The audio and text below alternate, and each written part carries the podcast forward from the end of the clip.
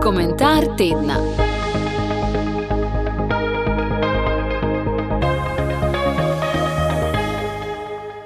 Sol zemlje in luč sveta. Knjiga venezuelskega dizidenta Excluze, Forum San Paulo in kulturna vojna odmeva v teh zahtevnih časih tudi v Sloveniji.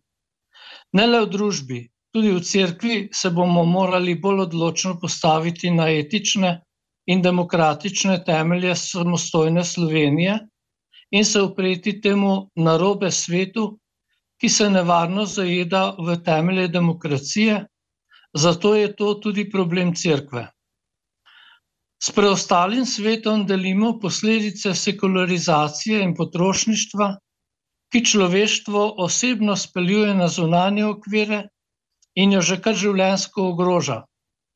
Jemlje nam notranje duhovno jedro, o čemer govorijo poznavalci zadnja stoletja. Nobena prejšnja doba ni zašla tako stran od temeljnih duhovnih izročil, ki so tisočletja spremljala človeka. Razen tega je naše osebno in družbeno življenje vsestransko prepojeno z nasilnimi vzorci bivšega sistema.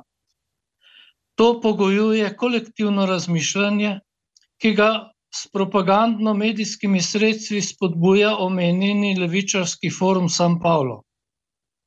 Njegov vpliv je podoben komunistični internacionali tridesetih let prejšnjega stoletja, ki je preplavila kulturno in politično življenje in načela krščansko jedro človeka in družbe z lažmi o tako imenovanem novem človeku in tako imenovani brezrazredni družbi, saj so osvojili celo vrhove oblasti po Evropi in Združenih državah. Temu so podlegali zlasti mladi, tudi kristjani. In ti danes sprejemajo različico mehkega totalitarizma San Pavla, ki obljublja neomejeno uživanje, enakost in to stransko izpolnitev življenja. Ehrlich je v širitvi lažnega vpliva Kominterne odločno postavil nasproti katoliško internacionalo, utemeljeno na osebni veri ter odločnem in preudarnem krščanskem družbenem organiziranju. Časi so zdaj drugačni, morda celo bolj zapleteni. Občutek imam, da ni le v družbi, pač pa tudi v cerkvi zelo močan duh individualizma kot nasprotje bivšemu sistemu, ki nas je tlačil v kolektiv. Zato pa smo nagonsko bežali v svoj individualni svet, zasebnost in zakristijo. Kleriki smo temu zaradi samskosti še bolj izpostavljeni. Vse pa nas je zaznamovala še tranzicija, ki je bivšo kontrolo partije razvezala v absolutno, pogosto lažno in sebično svobodo posameznikov. Zato nismo pripravljeni na dialog v družbi in cerkvi, težje se organiziramo in sodelujemo ter izkazujemo velikodušnost drugim, dobre ideje težko najdejo pot do drugega. Veliko se solira, manj je pripravljenosti za skupne cilje. Težko premagujemo uravnilovko povprečnosti in izenačevanja, smo pa servilni do neutemeljeno privilegiranih. Težko sprejemamo predloge sposobnih, ne nagrajujemo uspešnih, toleriramo nedelo in povprečnost, ostajamo neustvarjalna družba. Potrditev tega je tudi, da so volivci zavrgli bivšo delovno vlado in podprli povprečneže in celo nesposobneže, celo razdiralce slovenske družbe in države, kar kdo zdaj že obžaluje. Žal se zdaj celo med verujočimi porajajo dvomi o strokovnem in narodno utemeljenem delu Janševe vlade, celo pri tistih, ki so v njej sodelovali in se hvalili z njenimi pridobitvami. Razmere razodevajo pomanjkanje strategije in neusklajenost pri demokratih, pa tudi v cerkvi, da bi se dovolj močno uprli levičarskemu ustvarjanju narobe sveta.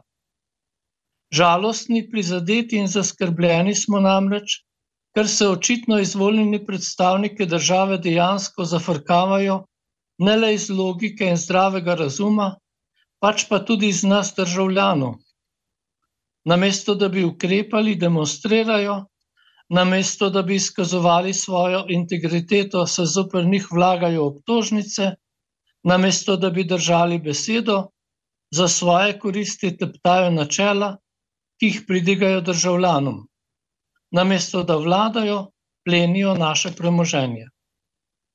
Del tega narobe sveta smo tudi katoličani, če si ne prizadevamo za pristnost krščanskega življenja. Erlich je v svojem času poudarjal, da mora biti duhovnik duhoven, utrjen v molitvenem življenju, nesebičen in velikodušen. Vse naj mu bo le Božje kraljestvo. Čeprav imamo kleriki in verniki domnevno dobro mnenje o sebi, morda bolj kritični pa smo do drugih, je na mestu samo spraševanje in predvsem pripravljenost za dialog, če hočemo, da bo naše krščanstvo postajalo bolj pristno, kar bo največ pripomoglo tudi k spremembam v družbi. Premagovanje samovolje, poštenost in zazrtost v nebo so odlike pristnega krščanskega življenja, s katerimi kleriki in vsi verni uveljavljamo nebeško državo na zemlji.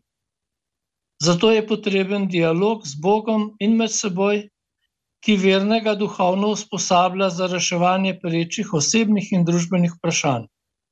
Brez te odločnosti in strategije bomo težko kljubovali mehkemu levičarskemu totalitarizmu. Ta zgolj medijsko slepi, pušča pa odprte probleme države in se ne dotika stisk ljudi. Protislovno sledajoči se kaže tudi v tem, da imajo negativen odnos do cerkve in vernih, obenem pa hitijo k papežu in škofom, predsednica države v pogrebu pokojnega Benedikta XVI, premier Golob pri diplomatskih in drugih poteh do papeža in škofov. Bodo škofje to obrnili v prid upravičenih interesov vernih in celotne cerkve? Svetost cerkve ni samo umevna postavka. Temelji na stalnem spraševanju vesti, tako pri klerikih, kot pri vseh vernih. Krepi se v dialogu z Bogom in med seboj. Tudi pokojni papež Benedikt XVI je spodbujal k tej duhovni prenovi, k pristnosti, samoočiščevanju in organizacijski doslednosti za kljubovanje tem sodobnim izzivom.